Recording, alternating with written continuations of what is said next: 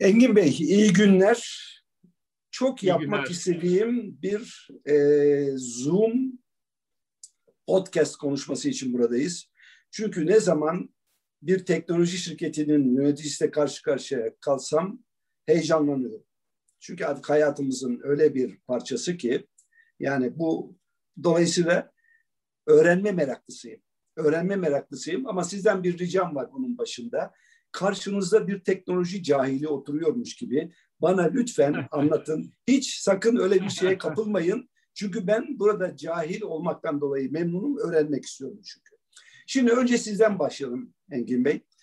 Ee, Engin Aksoy. Bir kere sizi kutluyorum çünkü daha CEO'lukta artık yenisiniz. 1 Şubat'ta başladınız Vodafone gibi küresel bir şirketin e, Türkiye gibi çok önemli bir bölgesinde ve e, ülkesinde çok önemli bir işe geldiniz. Ee, bir kere kutluyorum sizi. Teşekkür İnşallah ederim. Türkiye'de daha önce Vodafone'un başında başarılara imza atmış insanlar gelini size sürdüreceksiniz eminim. İstanbul Üniversitesi'nden mezunsunuz. Buna da seviniyorum. Çünkü hep bu tür küresel görevlerde Boğaziçi, ODTÜ, Oxford, Harvard görüyoruz. Ama öteki üniversitelerimizden de başarı hikayeleri gelince gerçekten seviniyorum. Çünkü ben de böyle Ankara Üniversitesi Siyasal Bilgiler Fakültesinden mezunum. Harvard'lı değilim, Oxford'lu değilim. Başarı hikayesi yazan insanlar benim hoşuma gidiyor eğitimi demokratikleşip tabana yaydığı için. İkincisi hep küresel şirketlerde çalışmışsınız. Coca-Cola, evet.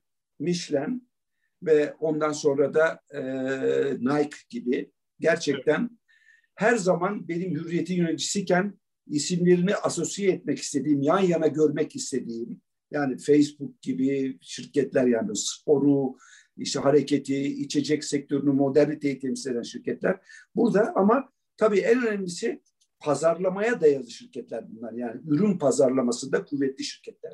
Ve bir yandan sağlık, bir yandan araba gibi hayatımızın en önemli şeyi, bir yandan da spor. Giderek yükselen markalar bunlar. Her şeyi gördüm fakat sizin hayat hikayenizle ilgili bir şeyi bulamadım.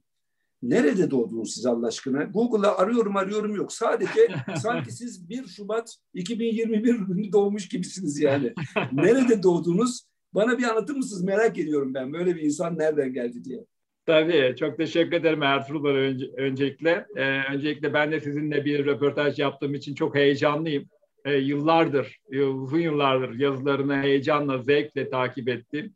E, hem hayat kustosuna hem gerçekten yazılarına, yazım stiline, dünya görüşüne çok saygı duyduğum bir insansınız. E, dolayısıyla ben de çok e, heyecanlıyım. Teknoloji tarafında da cahilliğinize tabii ki hepimizin çok öğrenecek çok e, şeyi var ama size pek teknoloji cahil demek mümkün değil. Çok uzun yıllardır teknolojiyle çok yakından ilgi, ilgilendiğinizi biliyorum. Hatta bizim dijital dönüşüm zirvelerimiz vardı 2013-2017 arasında yaptığımız. Oralara da siz hep katılırdınız ee, ve orada da gerçekten böyle çok e, alınması gereken notları, mesajları çok iyi alıp e, yorumlar yapıyordunuz. Dolayısıyla teknoloji cahili demek e, biraz e, haksızlık olur ama tabii hepimizin çok öğreneceği şey var. Tabii ben e, 4 Ekim 72 İstanbul doğumluyum. E, babam bir deniz subayıydı. Onun için e, Gölcük'e taşındık 1975 yılında ve 17 yıl orada kaldım. E, ilkokul, e, ortaokul ve liseyi de orada tamamladım. Aslında Kocaeli Anadolu Lisesi mezunuyum. 1989 yılı Kocaeli Anadolu Lisesi mezunuyum. E, daha sonra İstanbul'a, üniversite hayatıyla beraber tekrar doğum yerim olan İstanbul'a döndük. 1990'dan beri de e, İstanbul'da yaşıyorum. İstanbul Üniversitesi İngilizce İktisat e, Fakültesinden mezunum. E, daha sonra da iş hayatına 1994'te başladım. E, dediğiniz gibi aslında hepsi global firmalar. E, global firmalar olmakla beraber gerçekten Türkiye'nin dinamiklerine çok hızlı adapte olmuş. Pazarlamayı, ürün geliştirmeyi e, ve topluma katkıyı çok ön planda tutan firmalar. E, tabii ki her birinden de çok ayrı deneyimler elde ettim ve çok e, önemli e, benim gelişimimde çok önemli e, yer tutan markalar her biri de. 13 yıldır da Vodafone'dayım aslında. 2000, 2008 yılında Vodafone'da başladım.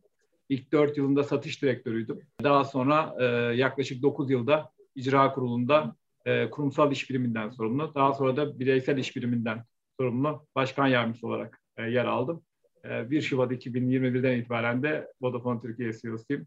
Burada gerçekten harika bir takımımız var. Vodafone Türkiye e, bir inovasyon merkezi. E, hem e, oraya geleceğiz. Oraya geleceğiz. Ben size açacağım o şeyleri ama önce bir şey söyleyeyim. Tamam.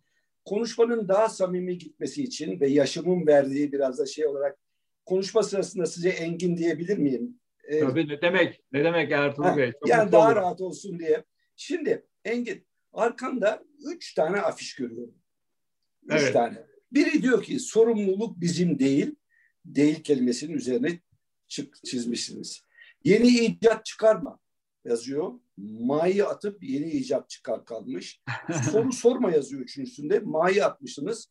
Soru sor kalıyor. Yani bu ma'ları atınca geriye yeni bir yöneticilik tipi çıkıyor. Çünkü gerçekten evet.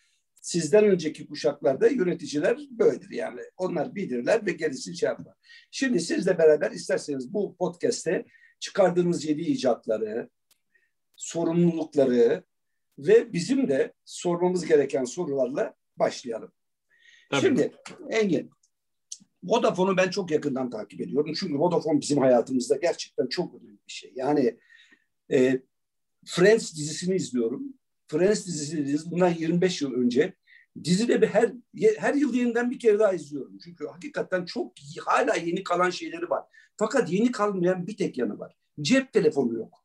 Yani Friends'de cep telefonu olmayınca o görüntüler bütün modernitesini kaybediyor. Artık böyle bir hayat yok. Ama ben size bugün sizin cep telefonu kısmınızı değil, şirketin başka tarafını, bilinmeyen tarafını konuşmak istiyorum. Siz Vodafone olarak hep çalışmayla ilgili ve kadınlarla ilgili önemli bir önemli bir mesaj merkezisiniz aynı zamanda. Dolayısıyla sizin ben çalışma e, yaptığımız programlarda, yaptığınız açıklamalarda, şirket açıklamalarında çok yakından takip ediyorum. Oralarda çok enteresan şeylere yaptım. Mesela Beşiktaş futbol takımını kurdunuz ama Beşiktaş futbol takımı ile ilgili konuşacağım size. Çünkü çok o konuda dertliyim ben de. Sizinle paylaşmak istediğim şeyler var. Ama daha önce Vodafone'un içinden başlayalım. Yani o Beşiktaş futbol takımına giden şeyi. Şimdi geçenlerde ben bir akşam böyle akşam saatlerinde e, Taksim'den aşağı doğru inerken Beşiktaş stadının önünden geçtim. Evet. Işıl ışıl yanıyordu stat. Bana evet. göre dünyanın en güzel şehir içi stadlarından biri.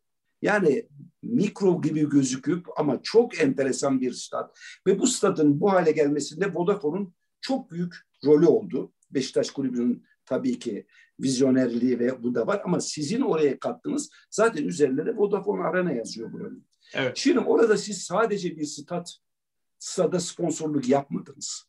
Oraya yeni bir ruh da getirdiniz. İçeride stüdyolar kurdunuz, müzik stüdyoları, bilmem şunlar bunlar falan. Bir de kadın takımı kurdunuz. Ama bu kadın takımını kurmadan önce asıl Vodafone'un içinde bir takım kadın, kadın takımı kuruyorsunuz siz. Şimdi sizin yaptığınız açıklamalarda bir takım hedefleriniz var. Diyorsunuz evet. ki biz biz şirket içi çalışanlarda yüzde elli, yüzde elli kadın evet. noktasına getireceğiz kulübü. Şey pardon e, Vodafone'u. Şimdi benim bildiğim e, telekom sektöründe yüzde otuzlardadır kadın çalışan şeyi. Evet. Sizin şu anda kaç ve bu hedef ger- gerçekten gerçekçi mi? Bana bir anlatır mısınız? Tabii teşekkür ederim Ertuğrul Bey. Şimdi telekom sektöründe kadın çalışan oranı yüzde otuz. Vodafone Türkiye'de kadın çalışan oranı yüzde kırk üç bugün itibariyle. Biz bunu çok önemsiyoruz. Ee, hep çünkü teknoloji deyince akla böyle erkeğin daha çok egemen olduğu, iyi eğitimli, genç erkek akla geliyor teknoloji dediğimizde. Ancak e, biz inanıyoruz ki eşit koşullar e, sağlandığı takdirde e, kadınlar da teknolojide en az erkekler kadar söz sahibi olabilir. Biz peki bu eşitliği nasıl sağlayacağız? Tabii ki bununla ilgili bazı adımlar atmamız gerekiyor. Bunun için attığımız adımlardan bazılarını şöyle özetleyebilirim. Birincisi Ertuğrul Bey, bizim şirketimizde açılan her pozisyon için adaylar içeriden veya dışarıdan tüm adaylarda yüzde ellisinin kadın olmasını şart koşuyoruz. Yani bir pozisyon açıldı diyelim ki altı tane aday var en az üç tanesi kadın aday olacak diyoruz. Böylelikle ilk başta aslında aday havuzunda bir eşitlik sağlamayı hedefliyoruz. Ondan sonra yönetici, tabii yönetici pozisyonlarımız var. Bu iş alım tarafı. Yönetici pozisyonlarımızda da kadınların gelişimini sağlayarak onların bu pozisyonlarda daha önde değerlendirmesini sağlayacak bir ortam yaratmayı e, çalışıyoruz. Biz bugün e, orta ve üst düzey e, çalışanlarımızda kadın oranımız yüzde 31. Yani tüm çalışanlarımızda yüzde 43 ama yönetici pozisyonlarına baktığımızda üst düzeye ve orta düzeye bu oran yüzde 31. Bunu da geliştirmek için aday havuzundaki eşitliğin dışında kadın çalışanlarımıza ilave destekler vererek yöneticilik pozisyonlarına daha hazır olmalarını hedefliyoruz. Bir de bizim Discover diye bir programımız var. Ee, Türkiye'deki üniversitelerden mezun olan arkadaşlarımız arasında bir değerlendirme yapıyoruz. Her sene e, 100 civarında arkadaşlarımızı da şirkete katıyoruz. Yeni mezun. Ve bu arkadaşlarımız şirket içerisinde en az iki tane fonksiyonda 6'şer ay çalışıyor. Daha sonra da Vodafone kadrosuna tamamen geçiyorlar. E, bunların içerisinden bir değerlendirme yapıp bazılarını da 18 aylığında yurt dışına yolluyoruz. Columbus diye bir programımız var. Oraya yolluyoruz. Fakat burada önemli olan nokta bu programda yani işe aldığımız genç yeteneklerinde yeni mezun arkadaşlarımızın Discover programıyla aldığımız arkadaşların üçte ikisi kadın. Yani bugün aldığınız adımlar aslında geleceğe de giden e, yolun taşlarını döşüyor. E, birdenbire kadın yönetici sayısını yüzde elliye çıkartmak, yüzde altmışa çıkartmak mümkün değil. Ama aday havuzunda eşitlik sağlanırsa, e, kadın çalışanlarınıza yöneticilik yolunda ilave eğitimler verirseniz, işe alımda kadını önceliklendirip bizim Discovery programındaki gibi daha yüksek oranda kadın işe alırsanız geleceğin e, hedefine ulaşmak e, mümkün olur diye düşünüyorum. Bir sözünü kesmek istiyorum şurada. Evet. Açıkladığınız hedeflerde bir rakam var. Benim çok dikkatimi çekti bu. 2030 yılına kadar yönetici kesiminde yüzde kırka geleceğiz diyorsunuz. Evet. Şimdi yalnız bakın Silikon Vadisi'nin yıllardan beri en çok eleştiren iki taraf iki tarafı var. Bir, üç tane şey var. Biri yöneticilerin snob ve çok küçümseyici, klasik şirketlerin yöneticilerini falan şirketlerin çok küçümseyici tavırları, snob davranmaları. Bir tanesi de yönetim kurullarında neredeyse hiç kadının olmaması. Yani en büyüklerinde çok büyük bir eleştiri var. Bir de üçüncüsü charity'lerde çok geride kalıyorlar. Parasal ya bu kadar milyarlarca dolarlık şirketler yardım yapmıyorlar diye böyle bir üç eleştiri var silikona ve silikonu da gerçekten benim gözümde dahi bazen antipatik hale getiriyor bunlar. Şimdi Tabii. 2030 dediğiniz 9 yıl var yani. Tabii. Bu 9 yılda gerçekten böyle bir hedefe ulaşabilecek misiniz? Yani silikonu bile yapamadığı bir şey. Evet. Siz de teknoloji kuruluşsunuz çünkü. Evet. Ben bu 9 yıllık hedefi biraz e, Türkiye için e, konservatif buluyorum. Biz çok daha erken ulaşmayı hedefliyoruz Ertuğrul Bey. Bugün yüzde 31'deyiz. E, ve az önce bahsettiğim aksiyonları alarak yani genç kadın, e, genç işe alım programlarında kadını önceliklendirerek, aday havuzlarında kadını önceliklendirerek, çalışanlarımız içerisinde yönetici pozisyonlarına gelecek insanların seçiminde kadın e, çalışanlarımıza ilave avantajlar sağlayarak, e, onlara odaklanarak ben bu rakama daha da erken ulaşacağımızı düşünüyorum açıkçası. Ama hedefimizi e, her türlü riske karşı biz 2030 diye koyduk ama biz zaten bugün yüzde 31'deyiz. Yüzde 40, yüzde 50 olmamamız için sebep yok. Hatta yönetimin bazı kademelerinde yüzde kırklara geldik şu anda ama toplam havuza baktığında, toplam yönetici havuzunda hala yüzde otuz birdeyiz. Çünkü bazı fonksiyonlarda kadın çalışan oranı diğerlerine göre biraz daha az. Mesela pazarlamaya baktığımızda bu yüzde ellilere gelmiştir. Ee, ama e, teknolojiye baktığımızda, teknolojide IT departmanımıza baktığımızda bu oran yüzde yirmi beş otuzlardadır. Toplama tabii burada bakıyoruz. Onun için yüzde kırka biraz daha zaman koyduk. Ama e, biz daha çabuk geleceğimi, daha çabuk gelmeyi hedefliyoruz. Yani ben 2030'daki yüzde 40 hedefine e, kesinlikle ulaşacağımıza eminim.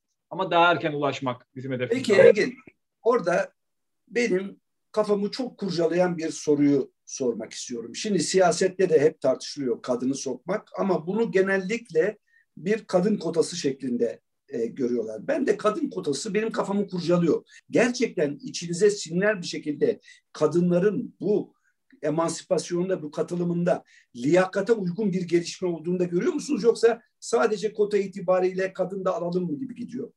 Evet bu da güzel bir konu hem de çok da büyük bir tartışma konusu Ertuğrul Bey. Tüm dünyada tartışılan bir konu. Kadın kotası olmalı mı olmamalı mı veya ne kadar olmalı oransal olarak. Biz buna bir kadın kotası olarak bakmıyoruz. Ancak şöyle düşünüyoruz. Yani eşit şartları sağlamalıyız diyoruz.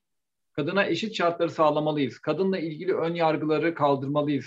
Kadının e, iş hayatındaki dezavantajlı olabileceği noktalarda ona yardımcı olmalıyız. Ne gibi? Örneğin e, izinler konusu, doğum izinleri, e, ebeveynlik izinleri gibi konular. Bunların hepsinde biz adım atarak kadını aslında eşit koşullara getirdiğimizde, kadınla ilgili ön yargıları e, kaldırdığımızda kotaya gerek kalmaksızın zaten liyakatla kadınlar e, eşit e, oranlara gelecektir erkeklerle.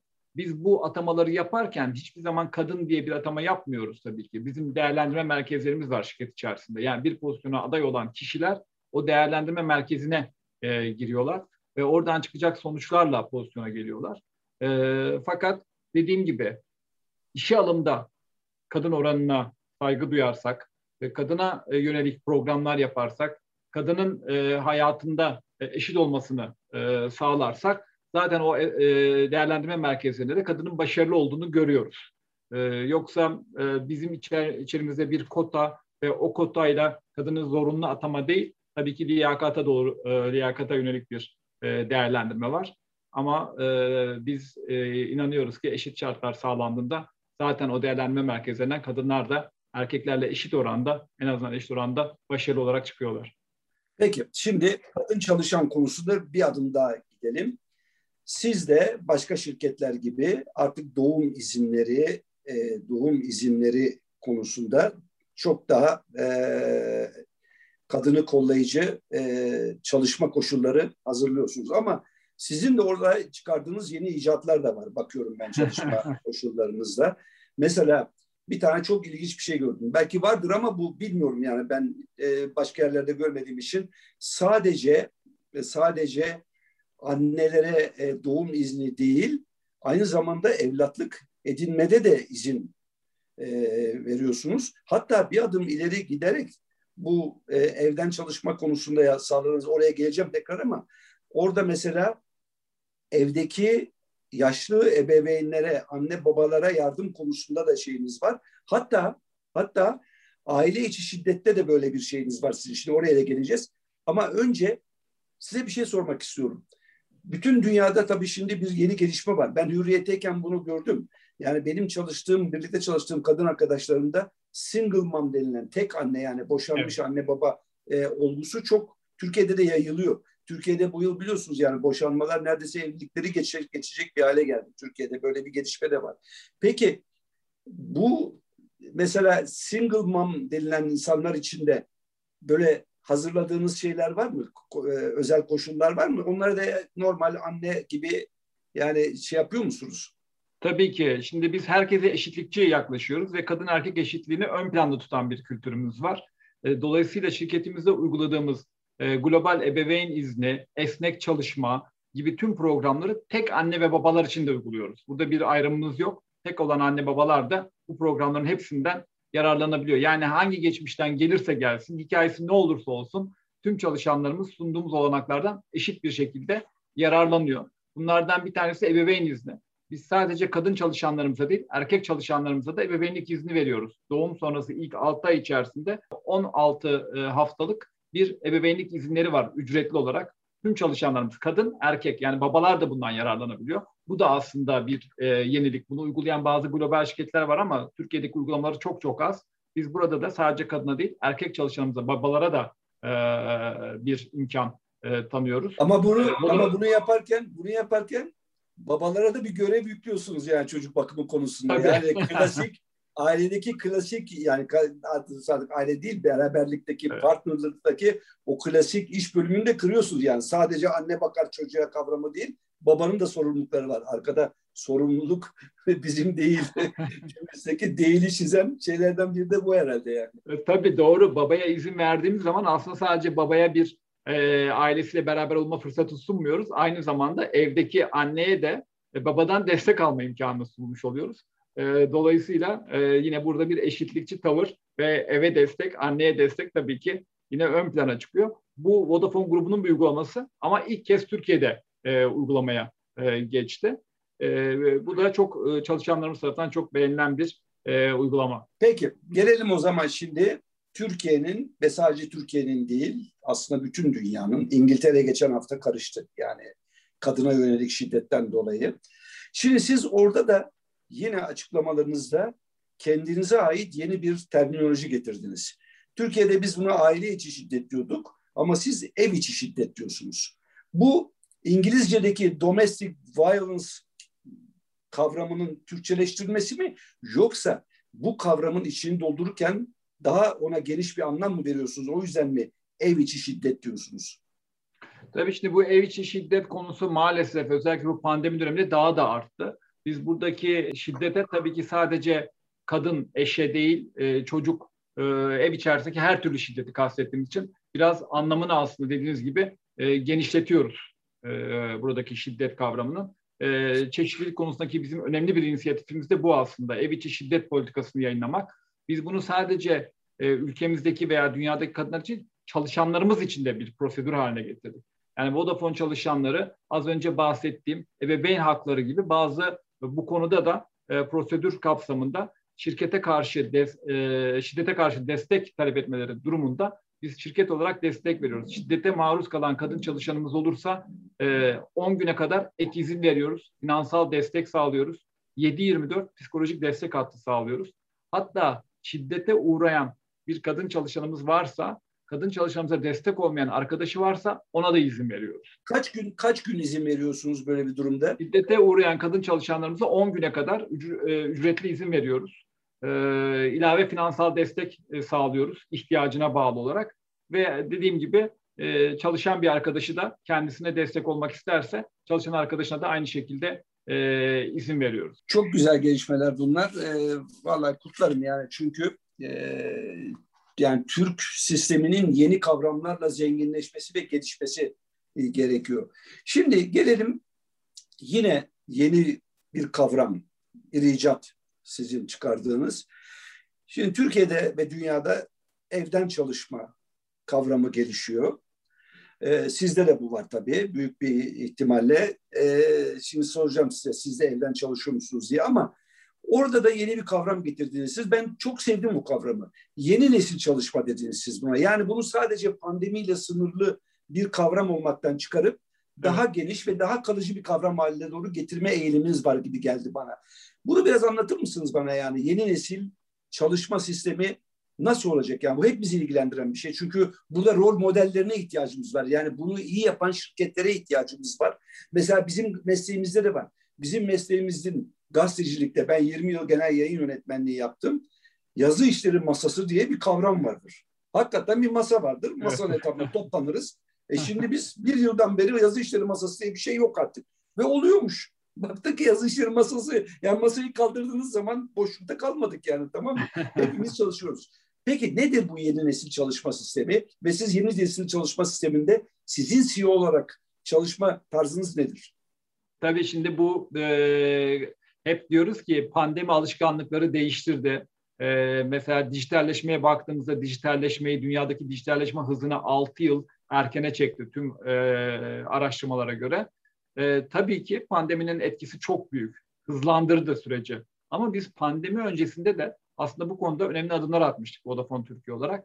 Çalışanlarımıza bir esnek çalışma saati getirmiştik. Yani normal mesai saatimiz 8-17 e, arasında ama çalışanlarımız 7 ile 10 arasında istekli bir saatte başlayıp yine 4 ile 7 arasında istekli bir saatte bitirebiliyordu. Bunun dışında diyorduk ki haftada bir gün evden çalışın.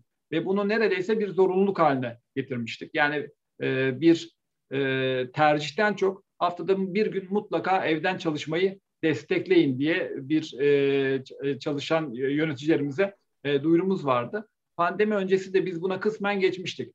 E, pandemiyle beraber e, bunun yanı sıra bir teknoloji şirketi olarak tabii herhangi bir doğal afet, herhangi bir zorluk karşısında evden çalışmanın, tüm çalışanların evden çalışmasını e, denemek amacıyla da e, bir iki tatbikatımız da olmuştu. Yani evden çalıştığımızda nasıl e, işleri yürütebiliyoruz diye. Dolayısıyla biz hazırlıklıydık. 11 ee, Mart'ta pandeminin ilk günlerinde, ilk açıklamada biz tüm şirketi kapattık. Yani herkes evden çalışmaya geçti. Tüm çağrı merkezlerimiz, bugün hala Vodafone grubu içerisinde e, yüzde yüzü evden çalışan, çağrı merkezlerinin yüzde yüzü evden çalışan tek ülkeyiz. Tüm çağrı merkezlerini eve e, geçirdik. E, tabii ki tüm çalışanlarımıza destek verdik. Yani ergonomik destek verdik. Bu çok önemli çünkü artık çalışanlar iş yerindeki koltuğu, iş yerindeki masası, herkesin iş yerindeki imkanları olmayabilir. Bir destek verdik ve hazırladık. Orada sözünü keseceğim. Pardon, Tabii, pardon. Buyurun. Bu ergenomik, ergenomik, ergonomik destek evet. bizden beni ilgilendirdi. Çünkü oturduğum sandalyeyi evde geçen gün değiştirmek zorunda kaldım. Hakikaten Tabii. yani bu kadar evet. kalınca bu sandalye uygun değilmiş. Yani şirketteki sandalyeler Tabii. daha daha dikkatli seçilmiş diye baktım. Yani mesela e, çalışanlarınıza şirket yerindeki ergonomik sandalyeler almaları konusunda yardımcı mı oluyorsunuz? Yani ne evet. yapıyorsun? Şimdi burada iki şey yaptık. Birincisi dedik ki şirketteki gelin sandalye, masa istediğiniz şeyi alabilirsiniz. Aa, çok enteresan. İkincisi tüm çalışanlarımıza yani seviye ayırt etmeksizin 2000 liralık bir destek verdik. Ee, anlaştığımız birkaç firma oldu. O firmalarda çalışma masası, işte bilgisayarı yükseltmek için, işte Zoom yapabilmek için e, veya kendisine çalışma masası almak istiyorsa, bazılarının evde çalışma masası var ama çalışma sandalyesi rahat rahat değil. Kendi tercihlerine göre alışveriş yapabilmeleri için bir ürün portföyü hazırladık. O ürün portföyü içerisinde kullanabilecekleri de tüm çalışanlarımıza ikişer bin liralık bir çek verdik. Ee, evlerine aslında bir nevi ofis haline getirmelerine imkan tanıdık. Çünkü ha, çok ilginç. Evet. Çok, bu çok ilginç. Hemen ben de şimdi bizimkilerden böyle bir talepte bulunayım. Bakın, Vodafone evet. yapıyor. Ben de bir masa istiyorum diye. Çalışma masası. çok önemli. Gerçekten bütün gün sandalyede oturup bir ekrana bakıyoruz evden çalıştığımızda. Tabii, tabii, tabii. Oturduğumuz sandalyenin rahatı gerçekten iş verimini de etkileyen bir şey. Dolayısıyla bu desteğin çok önemli olduğunu düşünüyoruz. Ee, biz şöyle bakıyoruz yeni nesil çalışma sistemine evden çalışmanın yani uzaktan çalışma diyelim ev olması da şart değil herhangi bir mekan uzaktan çalışmanın verimliliğiyle iş yerinden çalışmanın e, takım ruhunu bir araya getirmeyi e, hedefliyoruz yeni nesil çalışma modelinde. Çalışanlarımıza e, şunu yani şu anda tamamen uzaktan çalışıyoruz. Ancak e, hayat tamamen normale döndüğü zaman inşallah en yakın zamanda döner. Döndükten sonra da diyeceğiz ki yüzde e, en az yüzde 60 oranında dışarıda çalışabilirsin, uzaktan çalışabilirsin. Okay. Kullanmamız işte beyin fırtınaları yapmak için, takım aktiviteleri yapmak için, bir lansman yapılacaksa o lansman için veya çok hassas birebir toplantılar varsa yüz yüze görüşmek istediğiniz konular varsa onlar için ofis ortamlarımızı kullanacağız. Bazı hub'lar yaratıyoruz e, çeşitli şehirlerde. E, onun dışında e, rutin çalışmalar için, rutin toplantılar için e, ofis zorunluluğunu tamamen kaldırdık yeni nesil çalışma sistemi. Aslında iki çalışmanın da uzaktan çalışma ve ofis çalışmasının ikisinin de artılarını bir araya getiren bir sistem. Şimdi biraz önce bu ev içi şiddeti falan konuşurken aklımdaki bir soru vardı. O soruyu sormayı unuttum size. Burada e, unutmadan tekrar sorayım çünkü önemli bir soru. Şimdi sizin kırmızı ışık diye bir e, sisteminiz var. Yani evet. sadece kendi şirketinizdeki şiddete uğramış insanlarla ilgili değil, bütün Türkiye çapında şiddete uğrayan insanlarla ilgili de bir sorumluluk e, duygusuyla şu arkada yazılan şeyde e, afişteki gibi davranıyorsunuz ve orada ben gördüğüm kadarıyla çok çarpıcı rakamlar var. Yani evet. çünkü siz bir aynı zamanda bir telekom şirketi olduğunuz için yani buna bunları öğrenme bakımından bizden daha e, büyük imkanlara sahipsiniz yanılmıyorsam 358 bin insana ulaşmışsınız evet. böyle şiddet konusunda. Şimdi bu tabii çok önemli bir data bu elinizde sizin.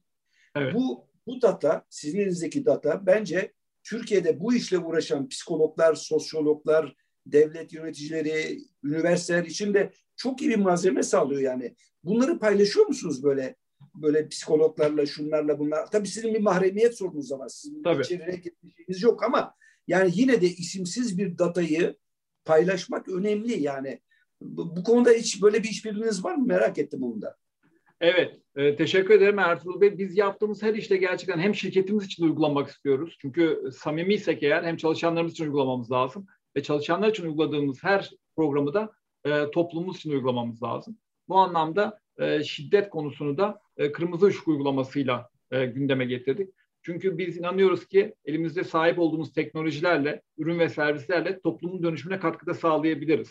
Şiddet bu konulardan bir tanesi. İzin verirseniz kırmızı ışıktan da belki bilmeyenler vardır. Çok kısaca bahsedeyim. Biz 7 yıl önce lansmanını yaptık. E, Türkiye Vodafone Vakfı çatısı altında Aile, Çalışma ve Sosyal Hizmetler Bakanlığı ile beraber. Bu bir uygulama. E, uygulamayı indiren e, kadınlarımız e, şiddet anında düğmeye basarak ve bu uygulama telefonunuzda gözükmeye de biliyor. Yani farklı isimlerle de kaydedebiliyorsunuz. İlle kırmızı ışık diye gözükmesi de gerekmiyor. Veya istediğiniz yakınınızı anında haberdar edebiliyorsunuz. Ayrıca ülkemizde mülteci kadınların sayısının artmasıyla beraber biz bu uygulamanın Arapça versiyonu da e, çıkardık. E, onları da e, bu kapsama e, dahil ettik. E, 358 bin kez indirildi ve ayda 2500 kişi aktif olarak bu uygulamayı kullanıyor. Tabii bu çok sevindiğimiz bir şey değil. Keşke hiç e, ihtiyaç olmasa, keşke hiç kullanılmasa. Ama 358 bin kişi indirdi ve aktif olarak her ay 2500 kişi bunu kullanıyor. Tabii e, bu gizli üretilen bir, sizin sorunuza döneyim. Gizli üretilen bir sorun olduğu için kullanıcıların uygulamamızı rahatça kullanabilmesi adına uygulamada kullanıcının kimliğini belli edecek herhangi bir şey e, taşımıyoruz. Uygulama içinde çok yeni bir görünüşünü paylaş butonu oluşturduk. E, şiddete uğrayan kişi veya uygulamayı kullanan kişi görüşünü paylaşmak isterse az önce sizin söylediğiniz gibi bunu belirli kitlelere duyurmak, psikologlarca veya ilgili kurumlarca kullanılmasını istediği bilgiler varsa anonim şekilde yazabiliyor ve biz bu bilgileri anonim olarak verebiliyoruz. Ama uygulamanın içerisinde kullanıcı kimliğiyle ilgili hiçbir şey yok ve e, biz e, yanıtlar bizim tarafımızda anonim olarak görülüyor e, ve e, hiç e, kimseye de tabii ki bu bilgiler e, e, paylaşılmıyor. Ama yeni bir e, sizin dediğinizde doğru burada topluma veya bireylere faydalı olacak bilgiler varsa da paylaşabilir miyiz? Onun için de görüşünü paylaş butonuyla e, orada e, kullanıcıların yorumlarına sadece uygulamayla ilgili yorumlar değil tabii ki şiddetle ilgili yorumları veya başlarına gelen herhangi bir şey paylaşmak isterlerse onları paylaşabiliyorlar. Biz de anonim olarak bunu ilgili kurumlarla paylaşabiliriz. Anonim olarak. Çok etkileyici bir şey bu yani. Beni beni yani ben sizin raporlarınızda bu rakamları okuyunca çok etkilendim bundan gerçekten. Yani buradan psikologların yani 358 bin kişi bir anlamda panik butonuna basmış yani. Şiddete uğruyorum ben diye. Bu çok çarpıcı bir rakam yani. Evet. Bence çok yararlı bir hizmet. Yani bir de bir de bu yani mahremiyetin korunması falan çok sıkı bir şekilde korunması kadınlar açısından tabii çok daha da güven verici bir sistem oluşturuyor bu. Yani ben kutlarım gerçekten bu. Şimdi o zaman gelelim kadınların sporuna. Ben varım. Evet. Şimdi Beşiktaş stadının önünden geçerken ben her defasında artık bir şey hatırlatıyorum, hatırlıyorum. Ee, orada bir kadın futbol karşılaşması Beşiktaş, Atletico Madrid iki tane yani Avrupa'nın en önemli marka kulüplerinden bir tanesi şu anda lider durumda yani. Evet. Ondan sonra e, erkek takımı lider şu anda e, İspanya La Liga'da. Orada bir maçtan gelen bir fotoğraf ve o gün orada olamadığıma çok üzüldüm. Yani bir gazeteci olarak orada olup bunu yazmam gerekirdi dediğim olaylardan biri. 33 bin kadın. Türkiye evet. futbol tarihinde iki defa böyle bir şeyle karşı karşıya kaldık biz. Bir tanesi benim tuttuğum takım Fenerbahçe stadında. Evet. Ee, sahaya seyirci alınmadığı zaman 40 bin evet. Fenerbahçeli kadın gelmişti. Gurur duydum onunla ben. İkincisi de Beşiktaş stadında sizin kadın futbol kulübünüz. Bana anlatır mısınız? Nereden çıktı bu kadın futbol kulübü? Çünkü şirketlerin aklına kolay gelecek bir şey değil bu yani. Bu ben varım lafı nasıl bulundu, nasıl çıktı çok merak ediyorum. Evet, çok teşekkürler Ertuğrul Bey. Ee, ben Varım hareketi aslında Vodafone grubunun geçen yıl başlattığı bir hareket. Yurt dışında bu hareket Change the Face adıyla lansmanı yapıldı. Biz bunu Türkiye'de Ben Varım adıyla lansman yaptık. Aslında bu hareketin çıkış noktası teknoloji dünyasında kadınların yerine dikkat çeken bir çalışma olması. Ee, az önce bahsettiğim gibi hep böyle teknoloji sektörü deyince, mühendis deyince genç, iyi eğitimli ve sıklıkla erkek akla geliyor. Ee, biz teknoloji sektöründe reklamlardan kariyer odaklarına hemen her alanda cinsiyetçi ön yargıları, ön yargıların hakim olduğunu ve çeşitlilik ve dahiliyet konusunda gerekli hassasiyetin gösterilmediğini gördük tüm dünyada ve cinsiyet eşitliğine önem veren bir teknoloji şirketi olarak bu tablonun değişmesi gerektiğinden yola çıkarak Ben Verim hareketini başlattık. Bu hareketle aslında amacımız genellikle erkeklerle özdeşleştirilen, erkek egemenliğinde olduğu düşünen alanlarda kadınların da var olduğunu göstermeye ve cinsiyetçi ön yargıyı e, kırmayı hedefledik. Tüm dünyada aslında birey ve kurumları da, operasyonları da daha böyle kapsayıcı hale getirme konusunda e, düşünmeler için Ben Varım hareketinin pozitif değişimi tetikleyici bir hareket olduğuna inanıyoruz. E, yani toplumun geneline baktığımızda erkeklere biçilmiş rol tanımlarında aslında kadınların da yerinin olduğunu ve bunun cesaretle ön plana çıkartılması gerektiğini düşünüyoruz. Şimdi tabii teknoloji bunlardan bir tanesi, bir diğeri futbol. Futbol deyince hep bir ön yargımız var aklımızda. Türkiye diye bahsediyoruz, konumuz Türkiye olduğu için tabii ama aslında dünyada da böyle, Türkiye'de de böyle. Hep futbol dediğimiz zaman bunu biraz daha e, ileri seviyelerde olan ülkeler var tabii futbol özelinde. Ama e, bir cinsiyetçi ön yargı var. E, futbol erkek oyunudur diye bir ön yargı var. Biz aslında buradaki amacımız ben varım diyerek kadın futbolcuları desteklemek ve buradaki algıyı yerleşmek. Yani toplumdaki yerleşik kadınlar futbol oynamaz, futbol erkek sporudur algısına e, yerleş e, kırmak. Eğer biz bu gibi alanlarda kırabilirsek, futbol gibi alanlarda, teknoloji gibi alanlarda bu algıyı kırabilirsek, diğer alanlarda daha rahat kırılabileceğini düşünüyorum. Yani örneğin bugün e, bir e, voleybolda kadının voleybol e, oynaması burada bir ön yargı yok. Türkiye'de de bir ön yargı yok. Yıllardır çok başarılı olan kadın voleybol takımlarımız var. Ama söz konusu futbol olduğunda hepimizin kafasında, çoğunluğun kafasında futbol erkek oyunudur algısı var. Bizim amacımız bu yerleşik kalıpları değiştirmek. Bu amaçla da biz kurulduğu günden beri Beşiktaş kadın futbol takımını e, destekliyoruz. Çünkü oradaki arkadaşlarımızla ben şahsen de e, tanıştım futbolcu arkadaşlarımızla, futbolcu kızlarımızla. inanılmaz bir mücadele veriyorlar. İnanılmaz hikayeleri var. Gerçekten inanılmaz. Kendi ailelerine karşı e, da inanılmaz hikayeleri var. Ve her birinin hayatı gerçekten e, Türkiye'deki tüm kadınlara e, örnek olmalı. Dünyadaki kadınlara örnek olmalı. Dolayısıyla biz e, erkek işi olduğu şeklindeki hakim düşünceyi kırmak için e, mücadelenin en önemli destekçilerinden biri olduğunu düşündük Beşiktaş Kadın Futbol Takımı. Ve e, kurulundan beri göğüs sponsoruyla destekliyorduk. Bu yıl o sponsorluğu isim sponsorluğuna taşıdık. Yani bu yıl artık Beşiktaş Kadın Futbol Takımı, Beşiktaş Vodafone Kadın Futbol Takımı ismiyle e, mücadele edecek. Aslında sizin bahsettiğiniz geçen yıl e, Allah'tan tam da pandeminin önünde, öncesindeydi. 8 Mart Dünya Kadınlar Günü'nde. E, o kadınların heyecanını görmeliydiniz Ertuğrul Bey. E, kadın sporcularımız ilk kez Vodafone Park'ta sahaya çıktılar. İlk kez yani bir tanesi dedi ki milli takımda Hollanda'da bir müsabakaya çıkmış 14-15 bin seyirciyi bir defa görmüş hayatında. Hiçbiri o kadar çok seyirci önünde oynamamış. Ortalama 200 seyirci önünde oynuyorlar. İlk defa Vodafone Park'ın çimleri üzerinde maç yapıyorlar. Yıllarca bu işe emek vermiş kadınlar olarak. Ve o gün tribünler doldu. 33 bin kişi geldi. İnanılmaz bir gündü. Ee, ve aslında biz e, bu fırsatı tanıdığımızda, bu farkındalığı yarattığımızda e, kadın erkek herkesin de bu eşitliğe saygı duyduğunu e, ve eşitliğe inandığını görüyoruz. Yeter ki burada e, farkındalık yaratılsın. O gün gelen herkes e, kadınların da futbol oynadığını ve eşit derecede, erkeklerle eşit derecede rekabetçi olduğunda e, gördüler. E şimdi 2018 yılında Paris'te yapılan Dünya Kadın Futbol Şampiyonası'nda ben reytingleri izledim televizyonlarda, canlı yayın reytinglerini izledim.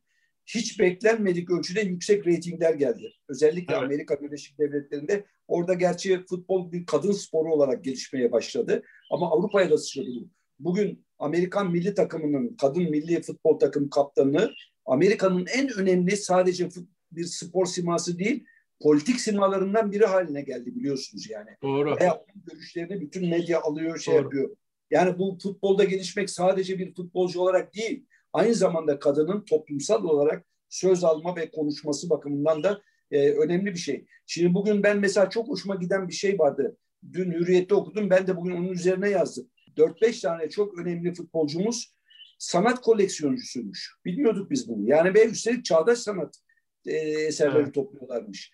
Joan Miro varmış elinde bir Selçuk İnan'ın mesela. Yani bunlar bunlar gerçekten hem sporu yükselten hem de bu bu sporu yapan insanları yükselten şeyler. O bakımdan çok e, şey yapıyorum ama Türkiye'de hala hala tabii mesela sizin rakamlarınıza baktım ben. Lisanslı kadın oyuncu sayısı falan çok düşük. Şimdi evet. Mısır'da Mısır'da son zamanlarda en çok okuduğum Mısır'la ilgili haberlerden bir tanesi Mısır kadın milli futbol takımının teknik direktörü bir kadın. O Mısır'ın en önemli figürlerinden biri haline geldi kadın. Yani onunla ilgili o kadar çok haber çıkıyor ki. Eminim yani bu futbol takımının sizin e, Vodafone Beşiktaş futbol takımının gelişmesi Türkiye'ye ilgi bakımından da çok önemli etkileri olacak. Ama bir şey sormak istiyorum ben. Ne zaman bir e, kadın süper ligimiz olacak bizim? Yani bugün seyrettiğimiz gibi haftada işte şu kadar maçıyla izlediğimiz, heyecan duyduğumuz. Evet tabii yani bunun için de yolumuz var. Bir kadın ligi var biliyorsunuz ama mesela pandemi süre, sürecinde erkek ligleri oynanırken kadın ligleri oynanmadı. Yani kadın ligleri yeni başlıyor. Birinci öncelik değildi. Yani burada rakamlara da baktığımızda bunu görüyoruz zaten. e, uygulamalara da baktığımızda kadınların bu planda biraz geri kaldığını e, görüyoruz. Mesela Türkiye e, FIFA'ya bağlı 198 futbol federasyonu arasında kadın futbol komitesi bulunmayan ve Futbol Federasyonu Yönetim Kurulu'nda kadın üye olmayan 12 ülkeden birisi. Yani e, futbolda e, kadın konusunda e, geriyiz. Rakamlar da rakam başka bizim rakamlar federasyonda da hiç yok. Mi? Futbol Federasyonu'nda hiç kadın yok bizim. Futbol Federasyonu'nda kadın e, yönetici yok ve futbol e, 198 futbol federasyonu arasında kadın futbol komitesi bulunmayan 12 ülkeden birisiyiz. Yani burada gidecek ya gerçekten... Silikon'dan, Silikon Vadisi'nden beter durum orada yani. Yani burada gidecek yolumuz var. Ee, Türkiye az önce siz Amerika'yı örnek verdiniz. Almanya keza kadın futbolunda ileri. Biz FIFA sıralamasında 68.yiz. Almanya 61.yiz pardon. Almanya ikinci sırada. Ee, bizim Türkiye'de Almanya'nın yüzde üçü kadar kadın e, sporcu sayı, kadın futbolcu e, sayısı var. E, Türkiye'de ulusal lig maçlarını izleyen seyirci sayısı, kadın ulusal lig maçlarını izleyen seyirci sayısı 200 sadece ortalama. E, ama dediğim gibi farkındalık az. Çoğu insan kadın ligi olduğunu dahi e, bilmiyor. E, bizim aslında bir amacımız da e, yıllardır Beşiktaş kadın futbol takımına destek olurken bu farkındalığı arttırmaktı. Pandeminin araya girmesi biraz kötü oldu e, bu aşamada ama biz şimdi isim sponsorluğuyla beraber bu farklılığı daha da arttıracağız. Sektörümüzde de bu konuda öncü olduğumuz için mutluyuz. E, buraya daha e, farklı yatırımlar da gelecektir diye e, düşünüyoruz. Yani burada bence başlamak önemli. Başlayınca bazı sosyal olaylar sandığımızdan çok daha hızlı gelişiyor. Şimdi kadın meselesini de böylece konuştuk, futbolda konuştuk. Ee, biraz önce bir şey söylediniz, o benim aklıma takıldı. Pandemi dediniz, bizim teknolojik gelişmelerimizi 6 yıl öne aldı. Evet. Neyi kastettiniz onunla yani? Neler böyle daha öne alındı bu pandemi sayesinde? Evet, bu genel olarak tüm dijitalleşme, şirketlerin dijitalleşmesi, bireylerin dijitalleşmesi. Ha, şirketlerin dijitalleşmesi. Şirketlerin ve bireylerin de örneğin e-ticaret alışkanlığı gibi veya aplikasyonları kullanma alışkanlığı, işlemlerini dijitalden yapma, telekomünikasyon e, operatörlerle ilgili işlemlerinizi, bankacılıkla ilgili işlemlerinizi dijitalden yapma gibi uygulamalar, e, alışkanlıkları öne aldı. Mesela e-devlet uygulamasının kullanımı e, iki kattan fazla, iki kat arttı aşağı yukarı. Önümüzdeki yıl yine iki kat artacağı varsayılıyor. E, bu süreçleri hızlandırdı, onu kastettim. Anladım. Doğru söylüyorsunuz. Mesela e-nabızı kullanıyoruz ve çok da başarılı yapıyor Türkiye evet. inşallah. Yani dün ben Doğru. ikinci aşıyı oldum. İkinci aşıyı oldum. Ya daha aşıyı yaptılar. Vallahi bekliyorum 15 dakika durun burada dediler şey olmasın. O sırada cep telefonuma benim ikinci aşınızı şu şu tarihte şu saatte yapıldı diye mesaj geldi. E-nabzıma girdim. E-nabza da işlenmiş hemen evet. şeyime. Yani Türkiye çok başarılı o konuda. Hakikaten kabul evet, etmek doğru, lazım. Doğru. Bu işleri iyi başarıyor, götürüyor. Peki e, şimdi Vodafone'u biz bir telefon şirketi olarak tanırız. Telefon. Şimdi artık evet. telefon şirketi demek yani telefon küçük bir kısmı kaldı. Hatta daha büyük kısmı başka yerlerde.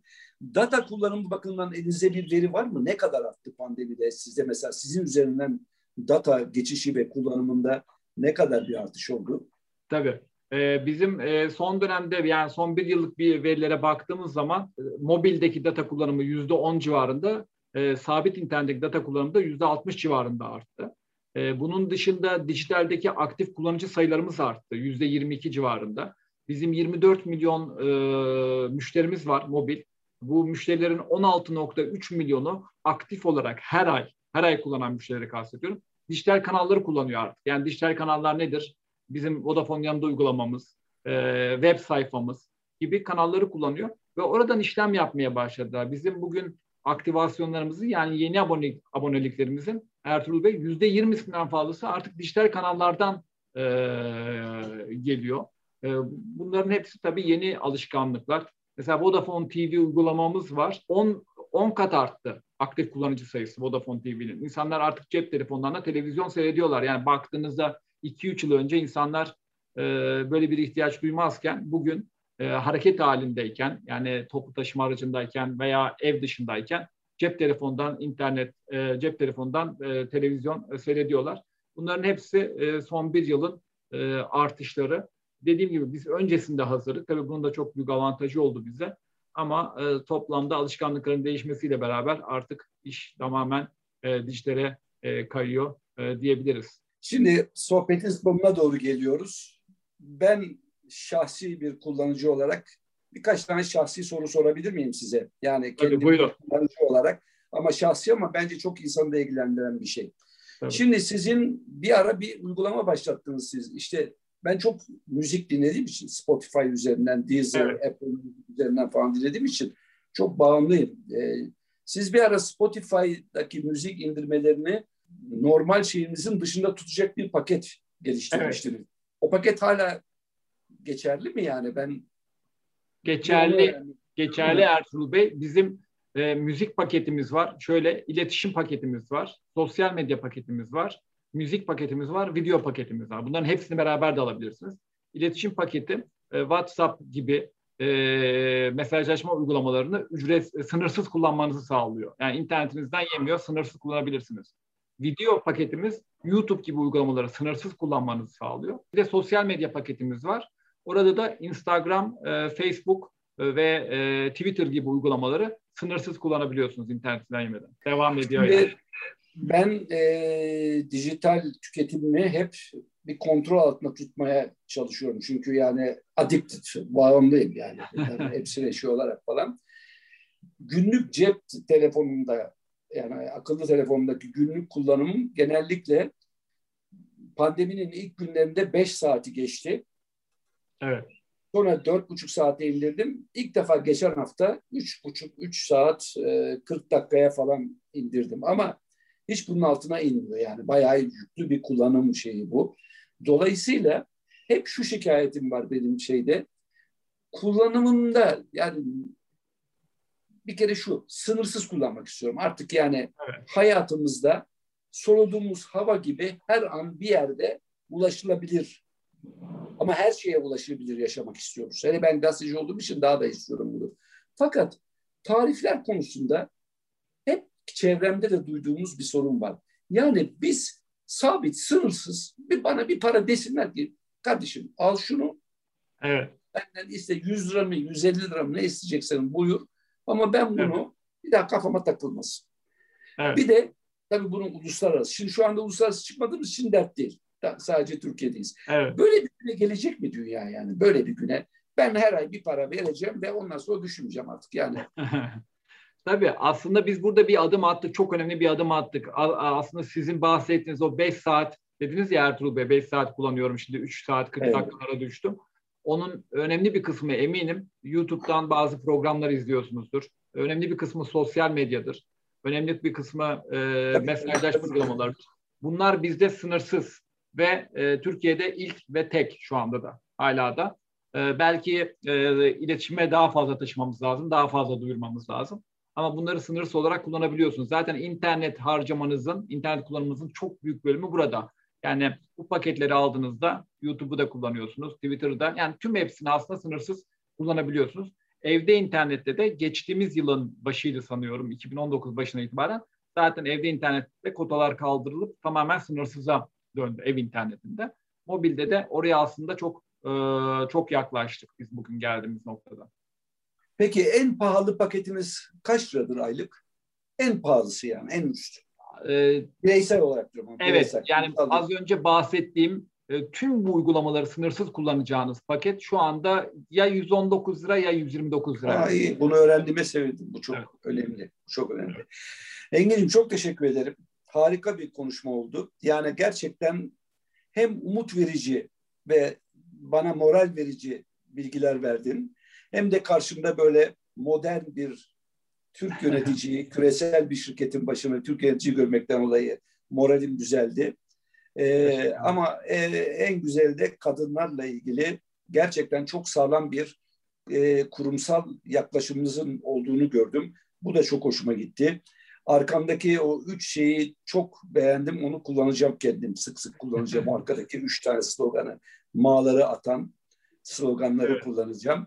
Ee, hepinize e, gerçekten teşekkür ediyorum. Güzel bir konuşma oldu. Bana da gazeteci olarak da çok güzel, çok güzel veriler geldi. Yani rahat yazacağım bir şey oldu. Bazen bazen bir konuşmadan bir şey çıkaramazsınız yani tamam mı? Heyecan evet. verici bir şey olmayı çıkaramazsınız. Burada bana başlık yani başlık olarak gelecek çok güzel, çok mutlu edici şeyler vardı. Çok teşekkür ediyorum. Bütün Vodafone'daki arkadaşlara selamlarımı, sevgilerimi iletiyorum. İnşallah bu şunlar, günler geçer. Bugün Beşiktaş kadın futbol maçını beraber izleriz gene. İnşallah. Ben de oradan güzel, güzel yazarım. Çok teşekkür ederim Ertuğrul Bey. Benim için de çok keyifli bir e, sohbet oldu. E, en, inşallah en kısa zamanda yüzde de görüşebiliriz. E, ve sizi bir e, kadın futbol maçında da ağırlarız. İnşallah. Tamam. Görüşmek üzere. Görüşmek üzere. Hoşçakalın.